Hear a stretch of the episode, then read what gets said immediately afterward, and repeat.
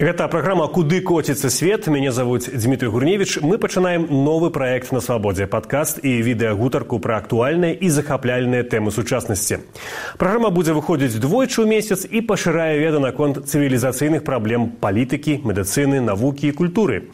Нашы госці беларусы эксперты ў сваіх галінах аналізуюць сусветныя працэсы якія фарміруюць нашу будучыню. І сёння мы пагаворым пра Амерыку Куды коціцца свет? 47ым прэзідэнтам ЗША паводле сацыялагічных апытанняў хутчэй за ўсё стане 45 амерыканскі прэзідэнт Дональд Трамп пры ўмове, што яго не спыніць вярхоўны суд ЗША ці ўласна 46 прэзідэнт Джо Байден. У ЗША пачалася выбарчая кампанія, яна бясспрэчна стане падзеяй года. Палітыка ЗША самай магутныя краіны свету без пафасу ўплывае на ўвесь свет і нават на Беларусь. Таму размаўляць на гэтую тэму мы сёння будзем з беларускай ЗША алесяй сёмухай Грынберг. Алеся працуе ў сферы фінансавага э, кансалтынгу і камунікацыі жыве у Вірджыніі каля Вашынгтона, таксама сябра рады БНР вітае спарыняліся. Вітаю вас. Мы сказалі пра тое, што вы жывеце каля Вашынгтону, раскажыце, ці папрыгажэў Вашынгтон пры байдене, што ўвогуле змянілася вось за гэты час, пакуль Джо байден кіруе Амерыкай. А Вашынгтон заўсёды прыгажэе. Ён это не залежыць асабліва ад прэзідэнтаў. Горад гэта транзітны палітычны. Горад бюракраты горад моладзі горад культуры. Так што ён працягвае разбудоўвацца апраўляцца ад наступстваў пандэміі і а, а, я вас запрашаю нас наведаць ну, але спачатку перад гэтым раскажыце ці стала жыць у амерыцы за гады кіравання джо байдена больш камфортна і больш бяспечна? Бо гэта былі таксама адны з абяцанняў прэзідэнта.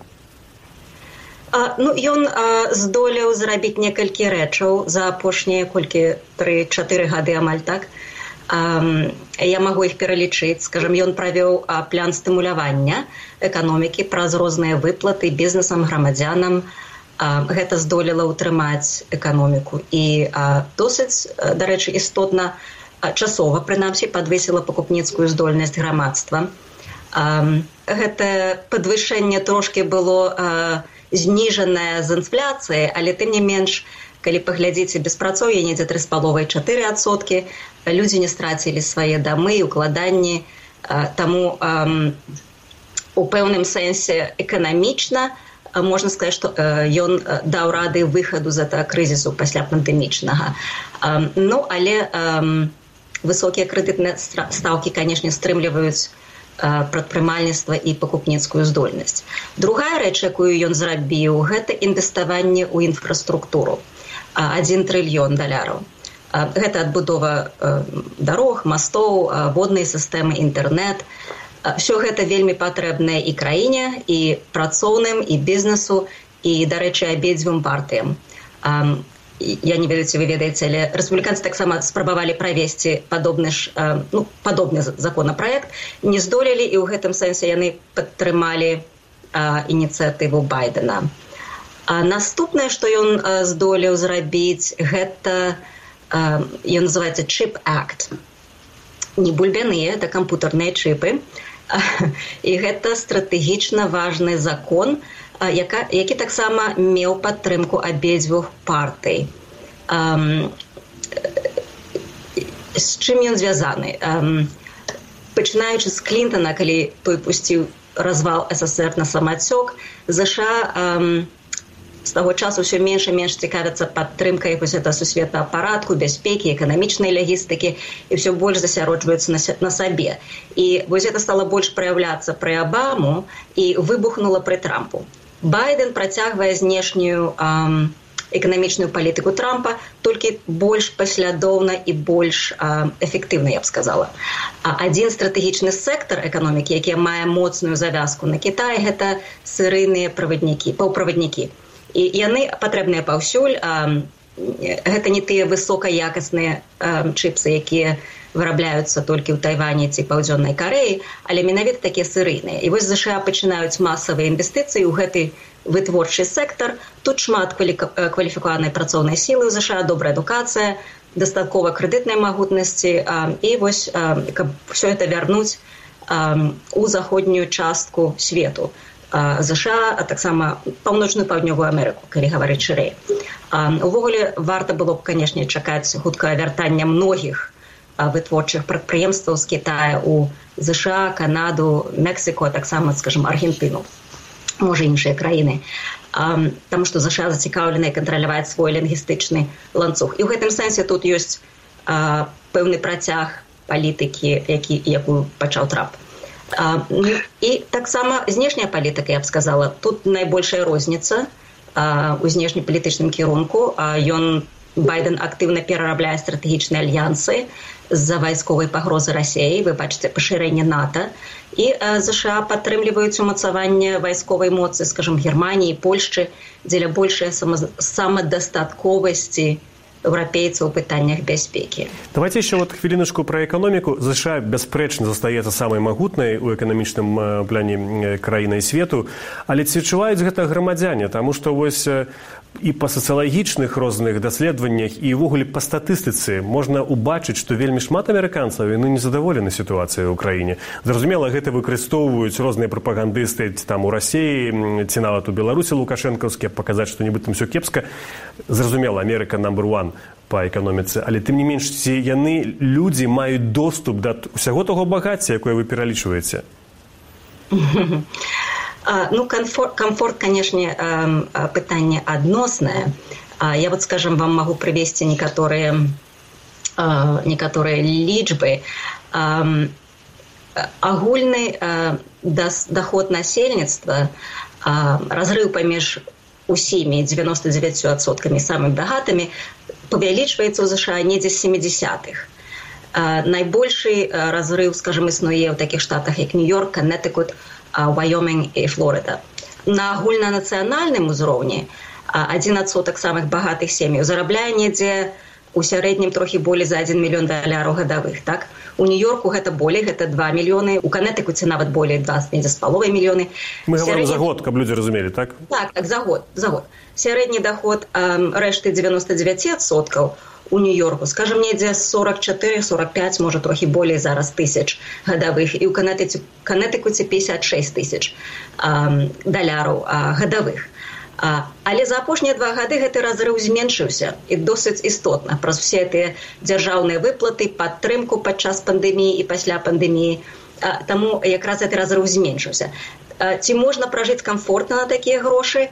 А, ну гэта залежыць э, э, чым, чым болей грошай тым больш комфорта натуральна. І я думаю что гэта залежыць ад патрэбаў ад патрэбаў людзей ад іх узросту і гэтак далей дзе яны жывуць у якім штаце. Увогуле амерыканскае грамадства натуральна разумее что гэта самая магутная эканоміка свету і стандарты скажем 44 тысячи даляраў год для любой іншай краіны відаць выглядаюць досыць комфортна так? А, ну ізноў такі у амерыцы э, у амерыканцаў іншая сістэма параўнання.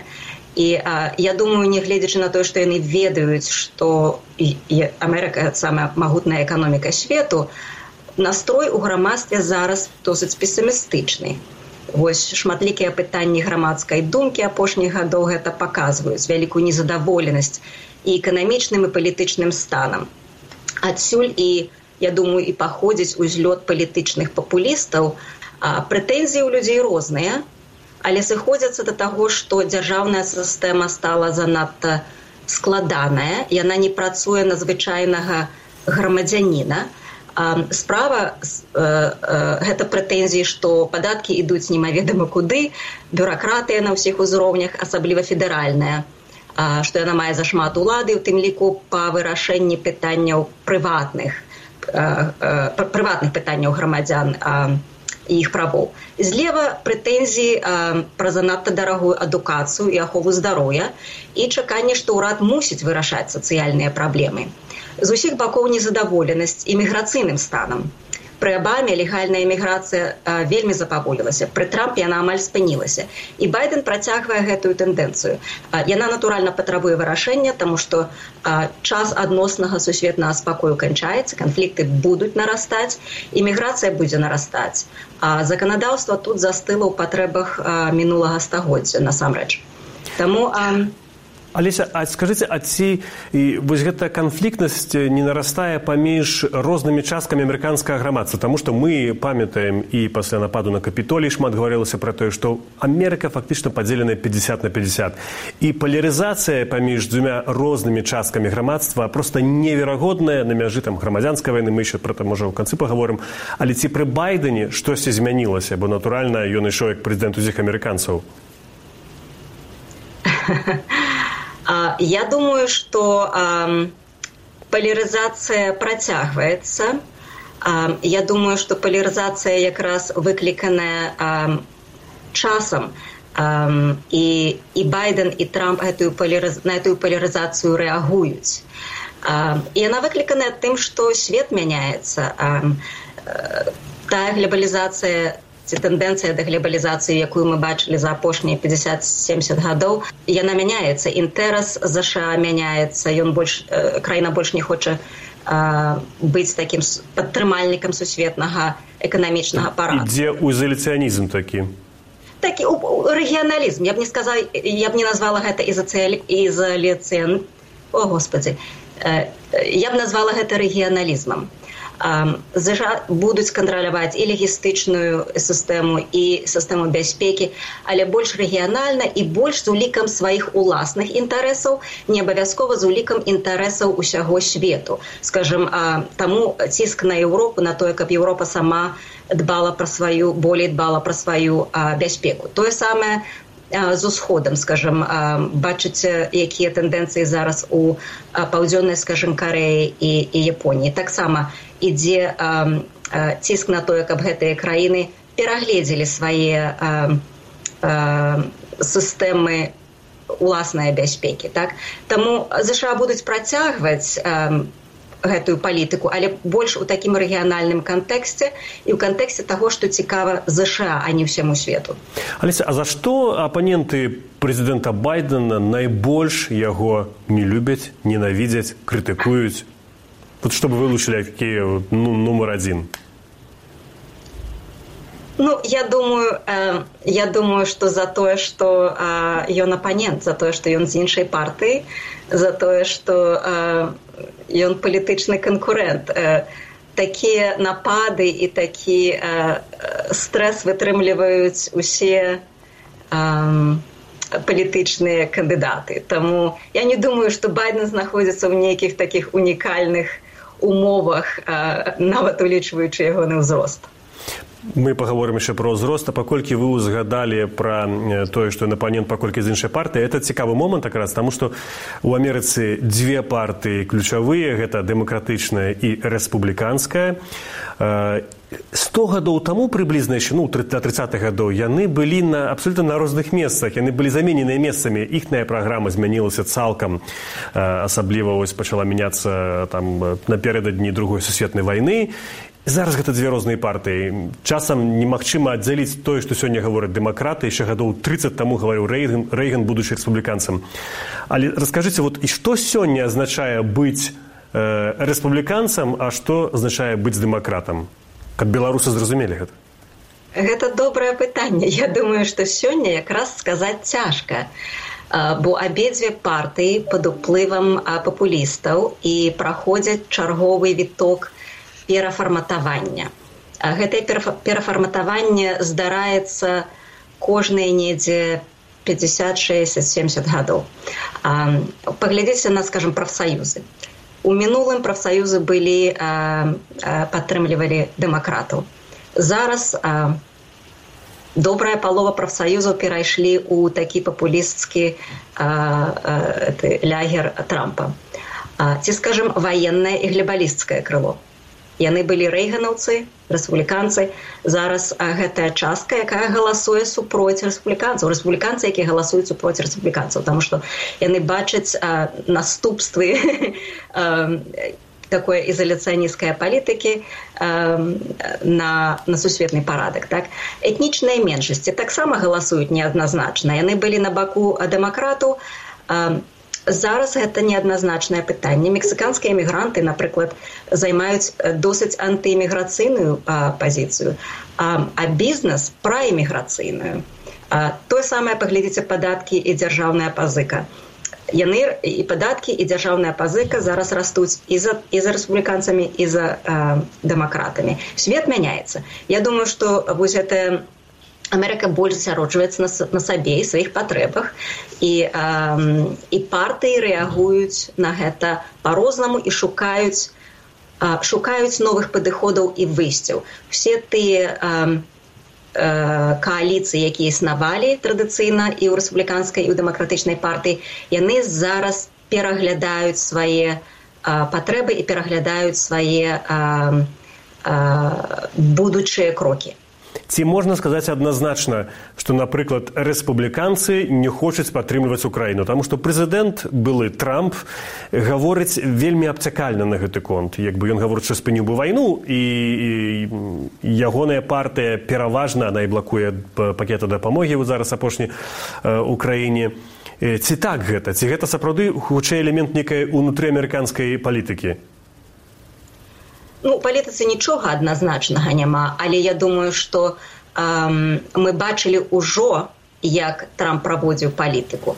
Трамп будзе прымушаць украіну э, ісці на мір з рассеяй і гэта будзе азначаць натуральна э, э, далейшае ўзмацненне расійскіх пазіцый.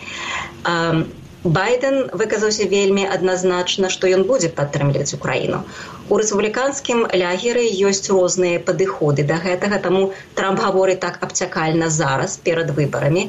Але як то калі ён бы быў бы прэзідэнт ён бы праводзіў пра расійскую палітыку бо ён не бачыць рассею як канкурэнта. Ён бачыць кітай як канкурэнта і палітычнага і эканамічнага. Рассею ён бачыць як у пэўным сэнсе партнера рэгіянальнага. а Вось таму зараз ён гаворыць абцякальна, але ягоная пазіцыя досыць а, вядомая. А, калі значыць, амерыканскія прэзідэнты маюць шмат уплыву ў знешняй палітыцы. Яны а, тут маюць шмат рычагоў. Але а, кангрэс натуральна мае а, грошы, ён размяркоўвае грошы.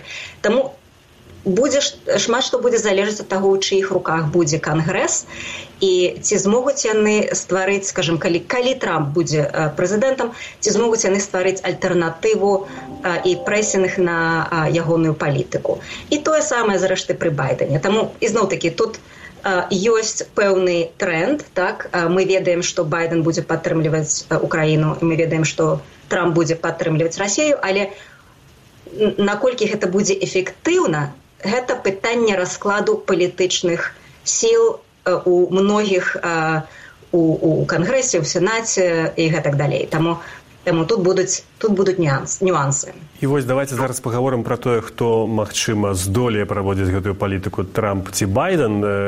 Ужо можна сказаць выбарчая кампанія ў Амерыцы ідзе. На вашу думку ці штосьці можа змяніцца тут у канкурэнцыі паміж байденам які заявіў пра тое што пойдзе на выбары і трампам шмат што залежыць ад рашэння вярхоўнага суда.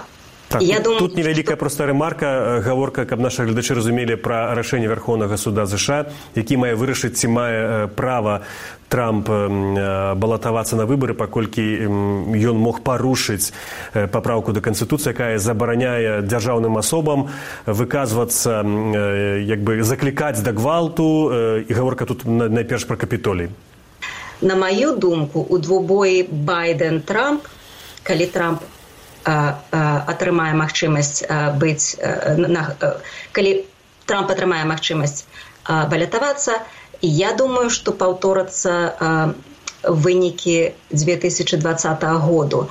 І можа нават з большым адрывам байдена. За апошнія чатыры гады у Трамп не займеў больш прыхільнікаў. Ён хутчэй страціў болей незалежных выбарцаў і некаторых рэспубліканцаў. Паглядзіце на прамежкавыя выбары ў 2022 годзе.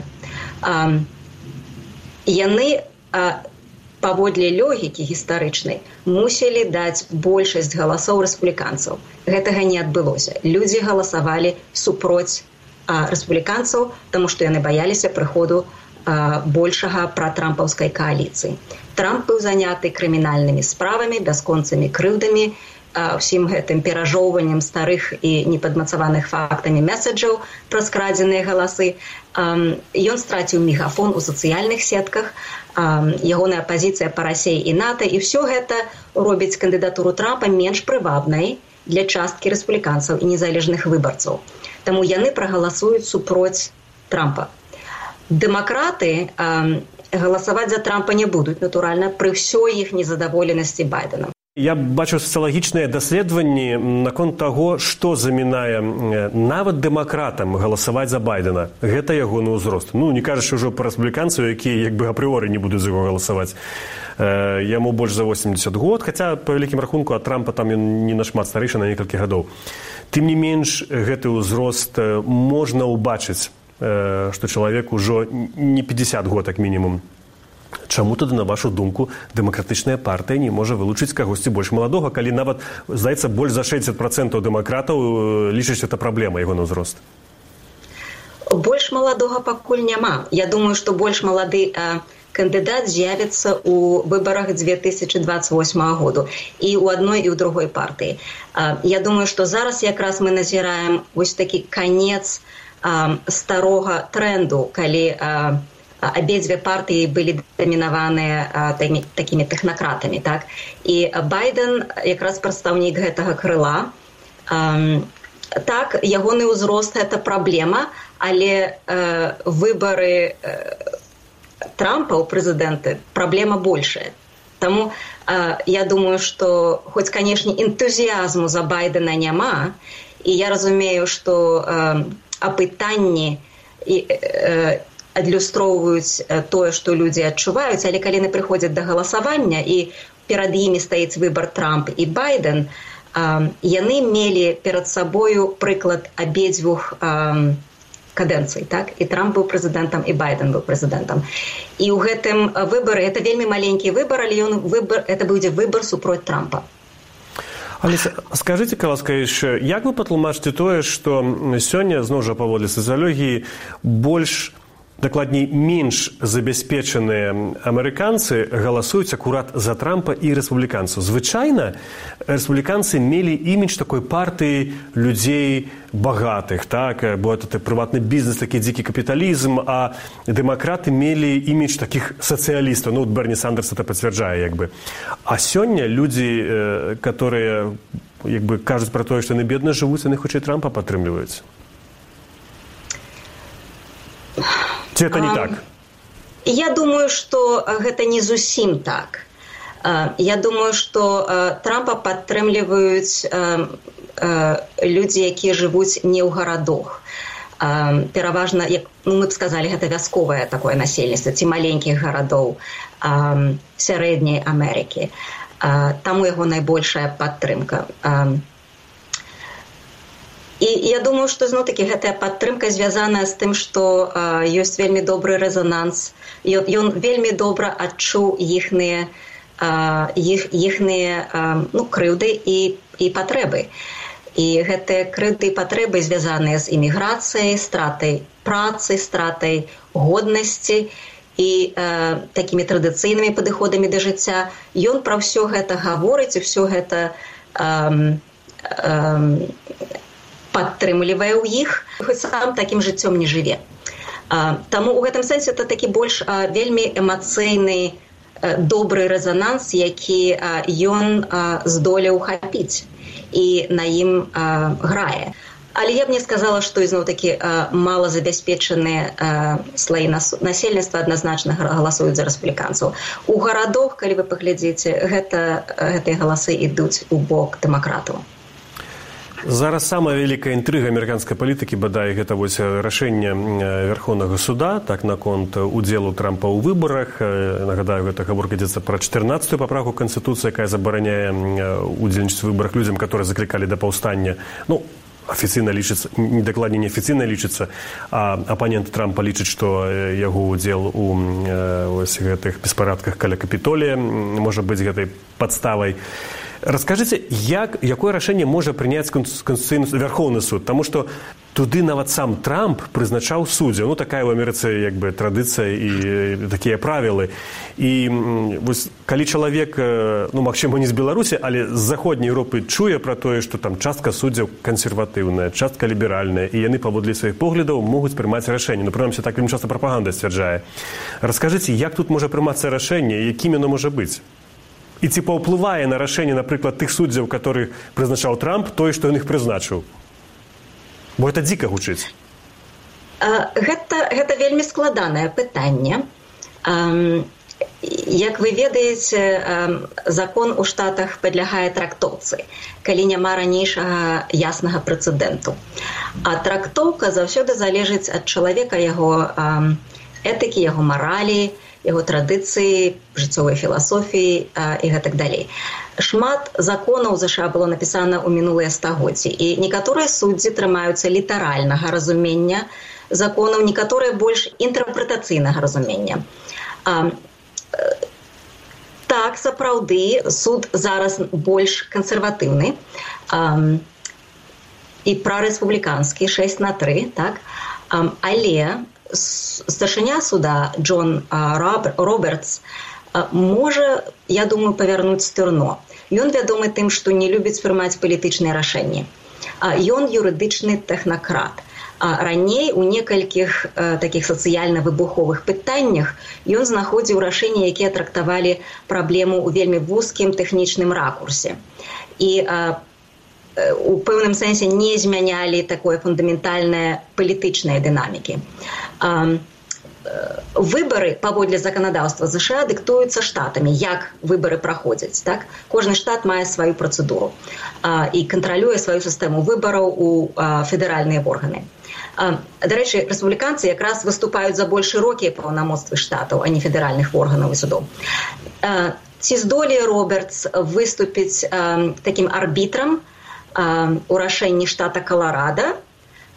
Я не ведаю. Мачыма ён знойдзе нейкі складаны такі троххадовы двухбаковы кампраміс адмяніць забарону скажем каларада на балетаванне трампа але не падтрымаць імунітэт былога прэзідэнта ад крымінальнага пераследу і прызначыць судовы працэс да да выбараў.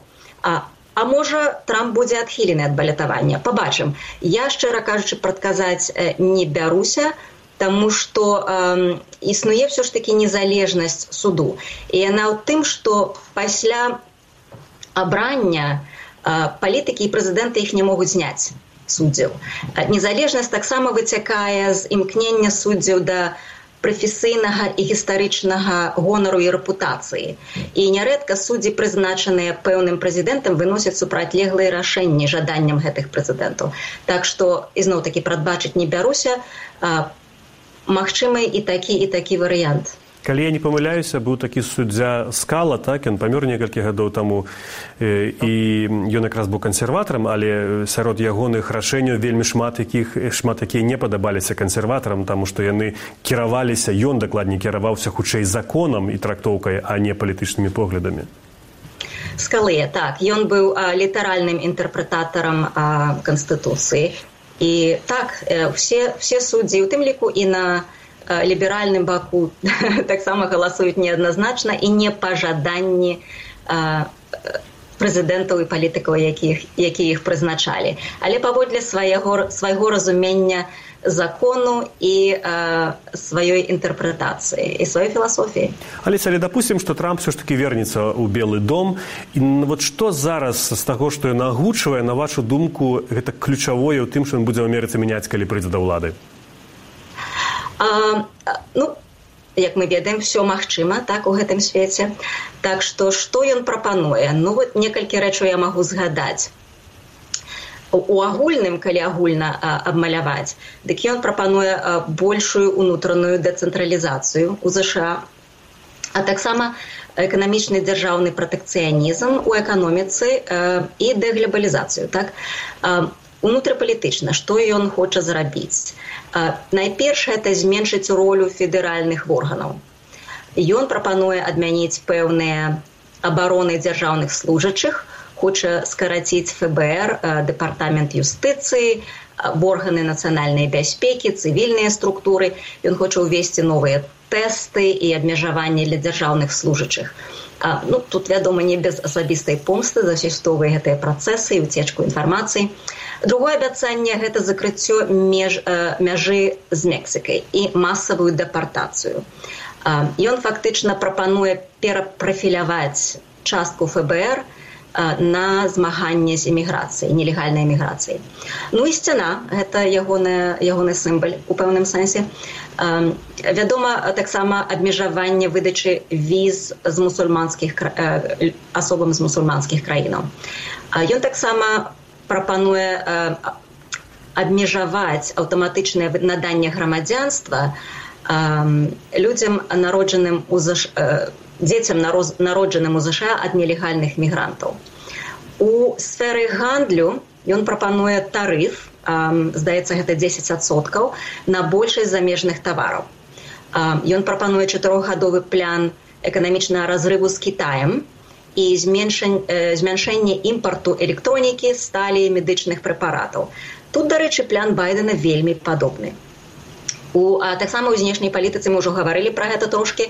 Трамп абяцае прымусіць украіну да міру з рассеяй і гаворыць пра тое што еўропа мусіць кампенсаваць ЗША за трату нашага ўзбраення ва ўкраіне. У сферы энергіі ён прапануе змяніць па-першае павялічыць бурэнне на федэральных землях і даць больш падаткавых ільготаў традыцыйным энергетычным сектарам газу, нафце, вуглю і так далей. Хоча адмяніць некаторыя стандарты на забруджванне атмасферы і зменшыць зялёныя ініцыятывы.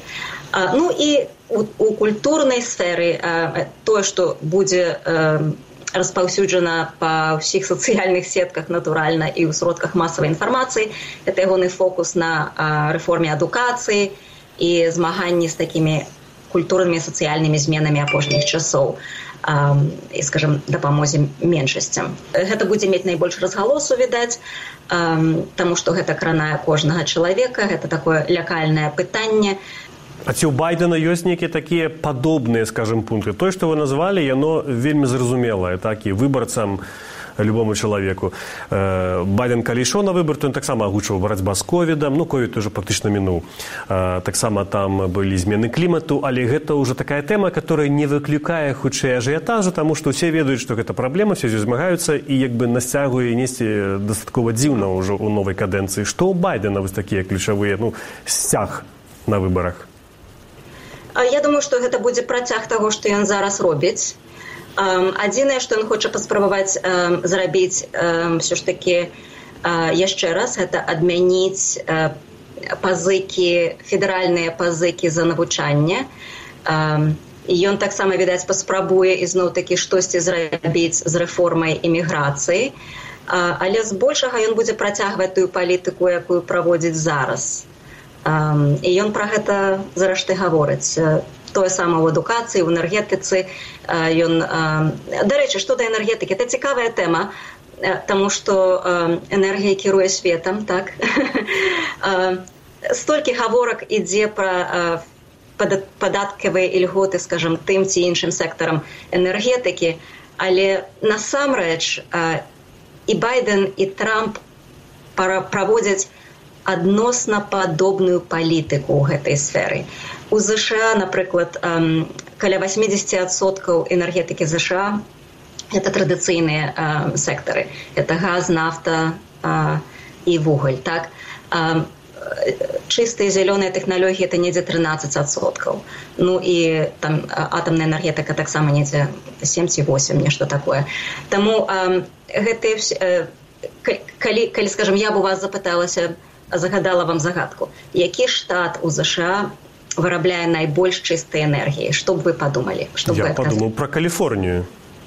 Техас это там дзе нафта льецца ракой там дзе нафта льецца ракой таму тут трэба э, глядзець на тое што яны гавораць э, по тэлевізары і таксама потым глядзець на тое што зрэшты адбываецца. Э, бальшыня нафтавых кампаній укладае вялізныя сродкі ў гэтыя чыстыя тэхналогіі таму што яны спрабуюць прадказаць рызыкі і дыверсыфікаваць і тое самае робіцца на дзяржаўным узроўні. ЗША будуць заўсёды дыверсыфікаваць свае сродкі энергетычныя і будуць самадастатковыя ў гэтым сэнсе. Таму тут прынамсі у гэтым дзесяцігоддзі ці прынамсі пяцігоддзі розніца не такая і значная і яна не столькі вызначаецца канкрэтным прэзідэнтам байденам ці трампам колькі патрэбамі эканомікі і жыцця. Я думаю што ва ўсім свеце трошки перабольшваюць ролю прэзідэнта у амерыканскім жыцці. Я думаю што амерыканскія прэзідэнты большасць амерыканскіх прэзідэнтаў рэфлектуюць тое што патрабуецца грамадствам то што патрабуецца амерыканскай эканомікай і праводзяць палітыку якая адпавядае патрэбам часу. І таму менавіта палітыка асабліва эканамічная палітыка і рэспубліканцаў і дэмакратаў апошнія восемь колькі гадоў досыць падобная У мяне ёсць некалькі пытанняў у нас мала часу. Адно з іх тэхнічнае датычыць выбараў скажитеце чаму у амерыцы прэзідэнтам не мае шансаў стаць чалавек які не належыць да дэмакратычнай а рэспубліканскай партыі? Ці гэта ўвогуле справядліва? То по вялікім рахунку трэба быць прыхільнікам адной з двух гэтых неду ідэалогіі палітычных сілаў і калі ты некі там незалежны ты нават можаш не сунуцца. Хаця трэба сказаць што на выбарах удзельнічаюць не толькі два кандыдата іх там значна больш у спісе правда пра іншых ніхто ўвогуле не гаворыць падаецца так а, ну это асаблівасць выбарчай сістэмы вельмі старой выбарчай сістэмы ЗША сістэма пабудаваная так што патрэбная бальшыня пераможца забірае ўсе галасы Таму а, калі гэта 50 калі патрэбная са 151 а, тут трэцяя партыя не мае шансаў. Любая трэцяя партыя так? Затое унутры дзвюх існых партый існуе шмат кааліцый.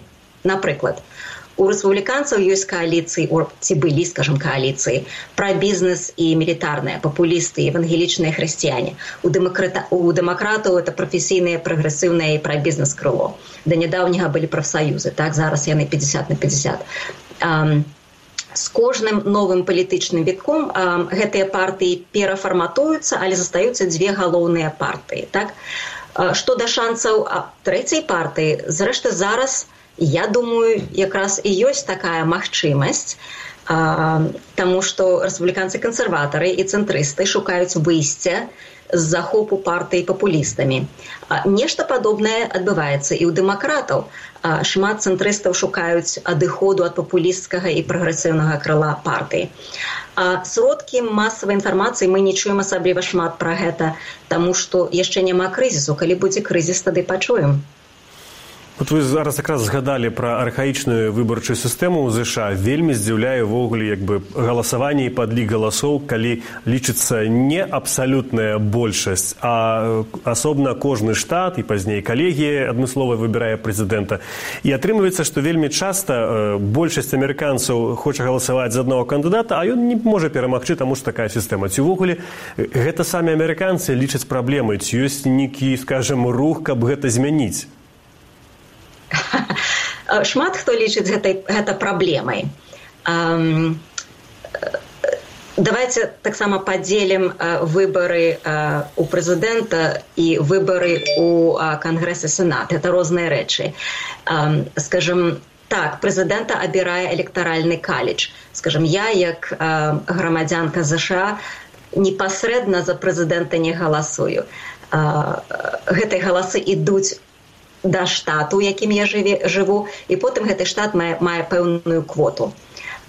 У кангрэс выбіраецца і ў сенат людзі выбіраюцца непасрэдна і гэта прапісана ў канстытуцыі. Як яны выбіраюцца? Гэта не прапісана таму кожны штат мае свае правілы. Канстытуцыя толькі вымагае каб гэта гэтыя выбары былі непасрэдна грамадзянамі зробленыя. А, і вы маеце рацыю роўнасці ў штатаў таксама няма ну вось напрыклад возьмеце аляску і тэхас так?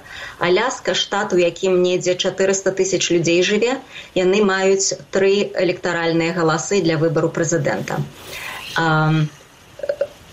Техас мае недзе каля 30 мільёнаў ці можа быть я тут памыляюся і яны маюць недзе 29 электаральных галасоў прапорцыйна гэта нероўна.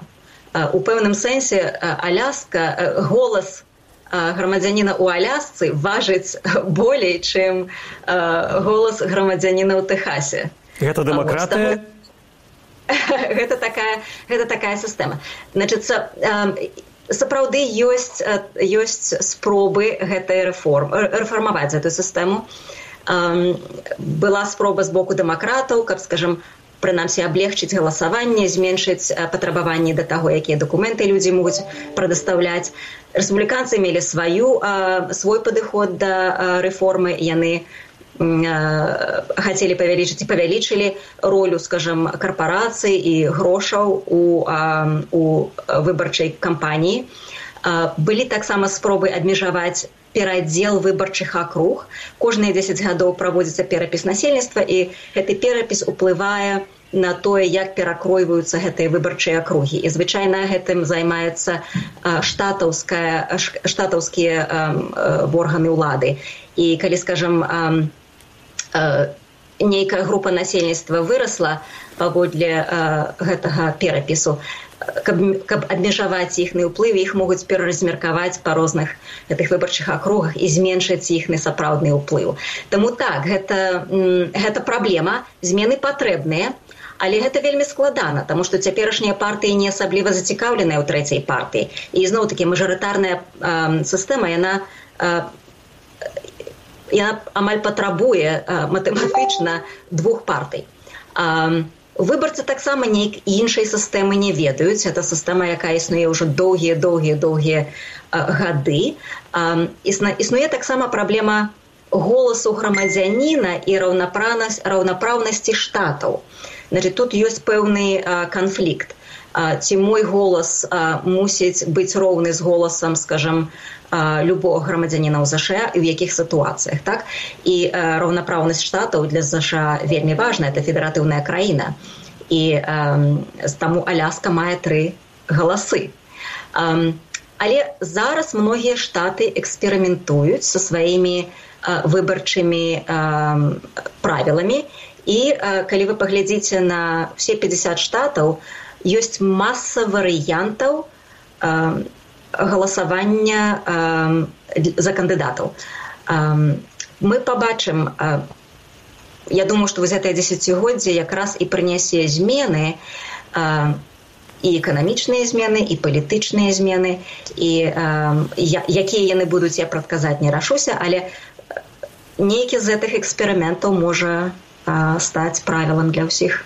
Тут трэба яшчэ таксама зрабіць за ўвагу, што хаця там і дзве партыі злучаных штатах, ўсё ж такі гэта такія парасонныя партыі, якія вельмі розныя лягеры маюць пад сабой. У тых жа рэспубліканцаў ёсць людзі, которые не падтрымваюць трампа ёсць цэлая група. быў кандыдатам нябожчык Джон Маккейн, который у прынцыпе нават быў паводле многіх бліжэйшы да дэмакратаў цяперашніх, чым класічных рэспубліканцаў, якіх прадстаўляе зараз трамп. Але а яшчэ пытанне вы сябра рады БНР беларуска ЗША скажыце а ці можна ўвогуле сказаць за каго беларусы галасуюць у амерыцы? Ці ёсць нейкая вось большасць? Я думаю гэта вельмі цікавае пытанне і раней адказ быў больш адназначны. Раней мне здаецца галасавалі больш больш за рэспубліканцаў. Думаю зараз 50 на 50 але я дакладна сказаць не магу. Гэта відаць залежыць ад таго якія беларусы дзе яны жывуць у якім штаце і ў якой мясцовасці ў гэтым штаце. А маладыя і старэйшыя так напрыклад. Бо все-таки я, я разумею старэйшая частка эміграцыі яшчэ пасляваенная яна ўжо амаль уся адышла ў нябыт але яшчэ старэйшыя людзі ёсць. А як вот тыя которые прыязджалі пасля 90-х ізноў такі я, я пра, пра іх пераважна і гавару што гэта можа быць 50 на 50 это залежыць. Партыі цяперашнія партыі маюць настолькі шырокі і незразумелы незразумелыя пазіцыі што можна што цяжка галасаваць за поўны пакет. Людзі выбіраюць нешта, што ім самае блізкае з пазіцыі партыі. скажем для кагосьці вельмі важная знешняя палітыка так? Падтрымка напрыклад Украіны так? У гэтым сэнсе ты для каго гэта вельмі важна будуць галасаваць за дэмакратаў.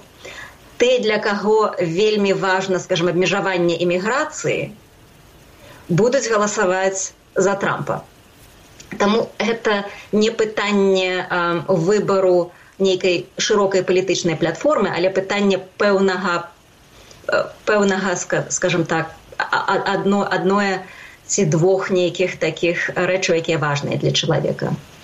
Аліса і апошняе пытанне вельмі шмат і яшчэ нават да падзею каля капітолія да гэтых беспарадку. Гаварылася пра тое, што э, амерыканцы палярызаваныя. Мы сёння пра гэта ўзгадвалі вы гэта пацвердзілі і што нібыта амерыцы можа нават пагражаць грамадзянская вайна. Зразумела зноў жа прапаганда гэта вельмі ахвотна падтрымлівае і крамлёўская і лукашэнкаўская але пра гэта кажуць не толькі прапагандысты пра гэта ў амерыцы пішуць дактараты і кніжкі самі амерыканцы. На вашу думку колькі ў гэтых словах вот ёсць нечага рэальнага а колькі ўсё ж такі хутчэй фантазія або нейкіх страхаў? Падзел заўсёды быў падзел ёсць і зараз зараз ёсць шмат незадаволенасці хоць у гістарычным кантэксце гэта канешне у пэўным сэнсе смешна. Але ізноў такі это незадаволенасць ідзе ад зменаў. Я не бачу ніякіх перадумоваў грамадзянскай вайны. І даляр застанецца моцны і нікуды ён не сыдзе. А это беларуская валюта як вядома даляр Я думаю, што ў час выбараў будуць хваляванні. Я думаю, што могуць быць нейкія лякальныя беспарадкі, але не грамадзянская вайна. Тэхас супроць Каліфорніі не. Ну можа, можа нейкі атрад са зброі захопіць нейкі будынак недзе там у арэгоне, як гэта ўжо бывала ў розныя часы. Але розніца ў паглядах мне здаецца, будзе вырашацца збольшага у рамках канстытуцыйнай сістэмы.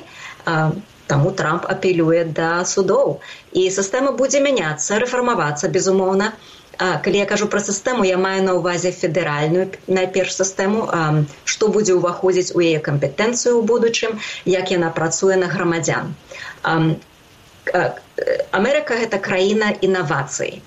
Амерыканцы прыдумалі сваю нацыю і ўсю сваю гісторыю, абнаўляюць гэта паняцце, рэфармуюць яго і вынаходзяць, новыя шляхі да лепшага быцця.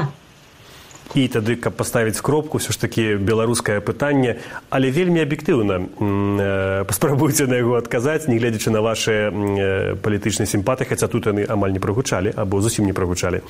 Скажитеце ці можна сказаць што некая з гэтых дзвюх партый больш пра беларускае? Я думаю что больш пра беларускае партыя дэмакратычная, таму што яна праўкраінская. Дзякуй вялікі.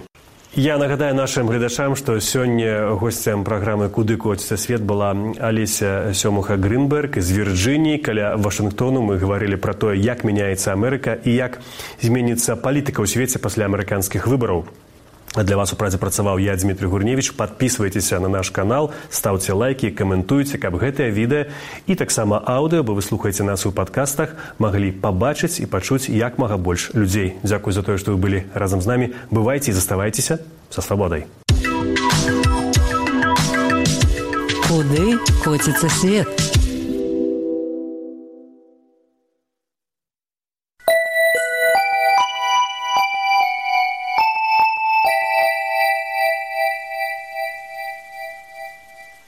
Падкасты радыёвабода. Мова пра мову з вінцуком вячоркам.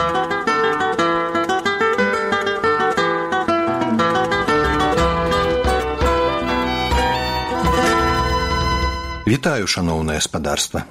Каталёнскі атляс 1375 году гэта ілюстраваны атляс свету, аўтарства вядомых картографаў і кніжных ілюмінатараў, гэта значыць майстроў упрыгожваць кнігі. Бацькі і сына абрагама і ефуды крэскесаў якія жылі на выспе маёрка атляс катала укладзены для падарунку французскаму манарху каралю шостаму. Цяпер захоўваецца ў нацыянальнай бібліятэцы францыі. Мова атлясу каталянская. Шэсць аркушоў пергаменту на драўляных панелях, складзеныя ў гармонік, па-мастацку ілюстраваныя, у тым ліку золатам і срэбрам і з геральдычнымі выявамі. Атляс масток ад ранейшых алегарычных і часта фантастычных маппе мундзі па-лацінску мапаў свету да геаграфічна дакладных парталянаў, мапаў узбярэжжаў і партовых гарадоў, вельмі патрэбных капітанам. Вядома, чым далей ад роднага аўтарам міжземнага мора, чым глыбей у кантынентальныя лясы ці стэпы, тым больш прыблізнасці і домыслаў.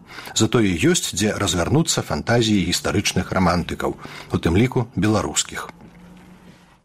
У той самы час, што і атляс выйшла на гішпанскай мове кніга ведаў пра ўсе каралеўствы і землі і ўладанні, што ёсць у свеце. У атлясе на беразе балтыйскага мора пазначаны горад літэфама пагана літва паганская. У кнізе ведаў таксама ёсць гэтая назва але там гэта краіна. Думаю што літэфама вынік памылкі перапісвання. Была літэфанія спалучэнне ні ні часта блыталі з м Чаму паганская, бо балцкая частка насельніцтва вялікага княства была пахрышчаная толькі ў 1387 годзе. Будучы юдэямі, крэскісы відавочна не ўкладалі станоўчай ці адмоўнай ацэнкі ў гэтае азначэнне. Але галоўнае пытанне выклікае выпісаная капітальнымі літарамі назва краіны на паўднёвы ўсход ад балтыйскага ўзбярэжжа і таго ўяўнага гораду літэфама ці то літэфанія. Гэта Еўропа. Абшар Еўропы атачаюць знаёмыя краіны. На захадзе ляжыць Польшча, да якой у той гістарычны момант належаў Леон, відаць ад львоў. Праўда, у львоўскія гарады паводле кнігі ведаў уваходзіў і тураў. На паўднёвы ўсход ляжыць краіна Россія з агламерацыяй сямі гарадоў, над купаламі храмаў якіх, падобных дарэчы да мячэтаў, няма крыжоў. Значыць, там так званыя схізматыкі, хрысціяне, але не тыя. Ніжэй па Дняпры горад Хіва, відавочна Кіяў. Ці пад Россія маюцца на ўвазе так званыя рускія княствы Беларусі і Украіны, невядома, але на ўсход ад іх за дняпром ляжыць куманія.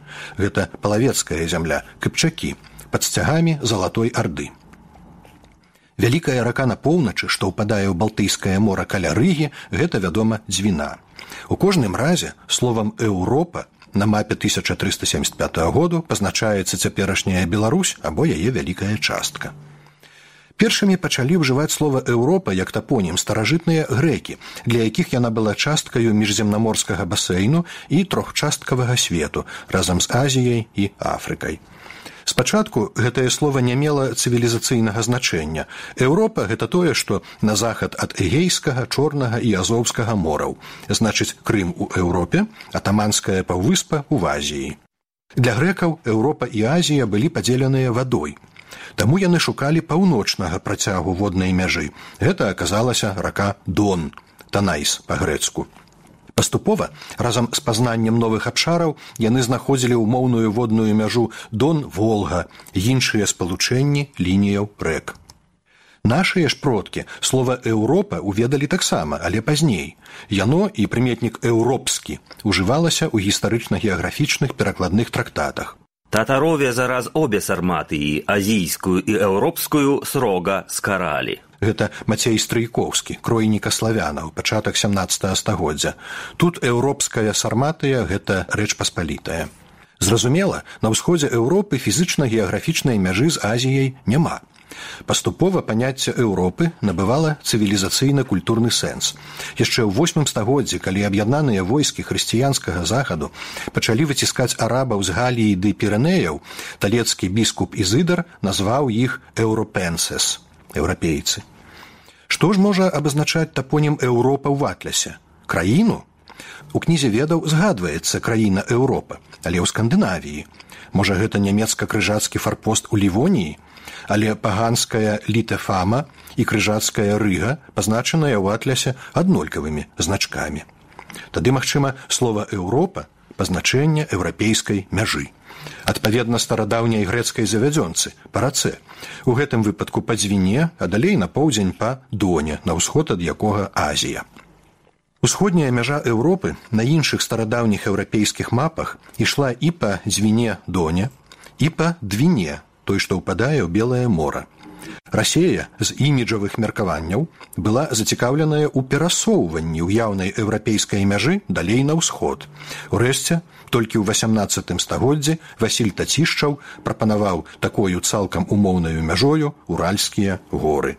Але ўсе варыянты правядзення ўсходняй картаграфічнай мяжы Еўропы пакідалі Беларусь, прынамсі яе большую частку на заходнім баку. А дзякуючы каталянскаму атлясу мы ведаем, што тэрыторыя ВКЛ і Беларусі вачыма геаграфічна далёкіх ад нас міжземнаморскіх еўрапейцаў 14 стагоддзя гэта Еўропа.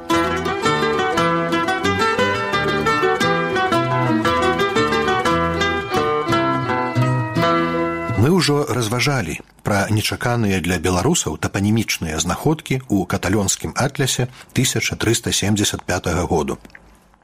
Нагадаю, гэта ілюстраваны атляс свету, аўтарства картографаў і кніжных ілюмінатараў, то бок майстроў упрыгожваць кнігі, бацькі і сына Абрагама і Ефуды крэскесаў, якія жылі на выспе Маёрка і адпаведна належалі да славутай маёрскай картаграфічнай школы.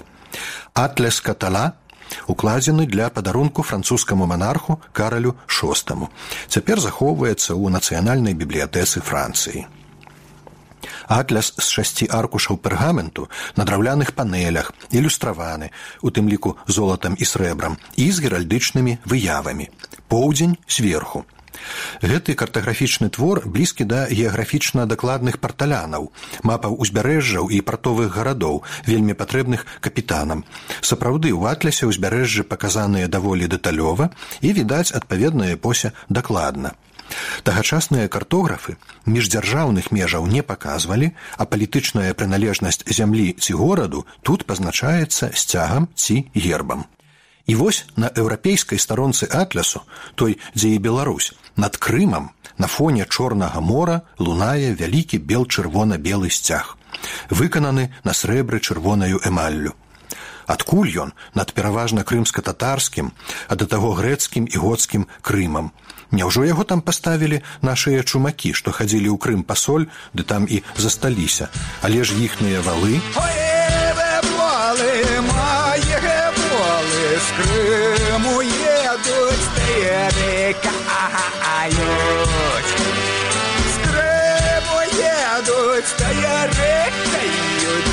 Падэжны караку пад'язжаюць крыму едуць тайрыкаюць пад шынкарку пад'язджаюць. Значыць вярнуліся такі ў Беларусь.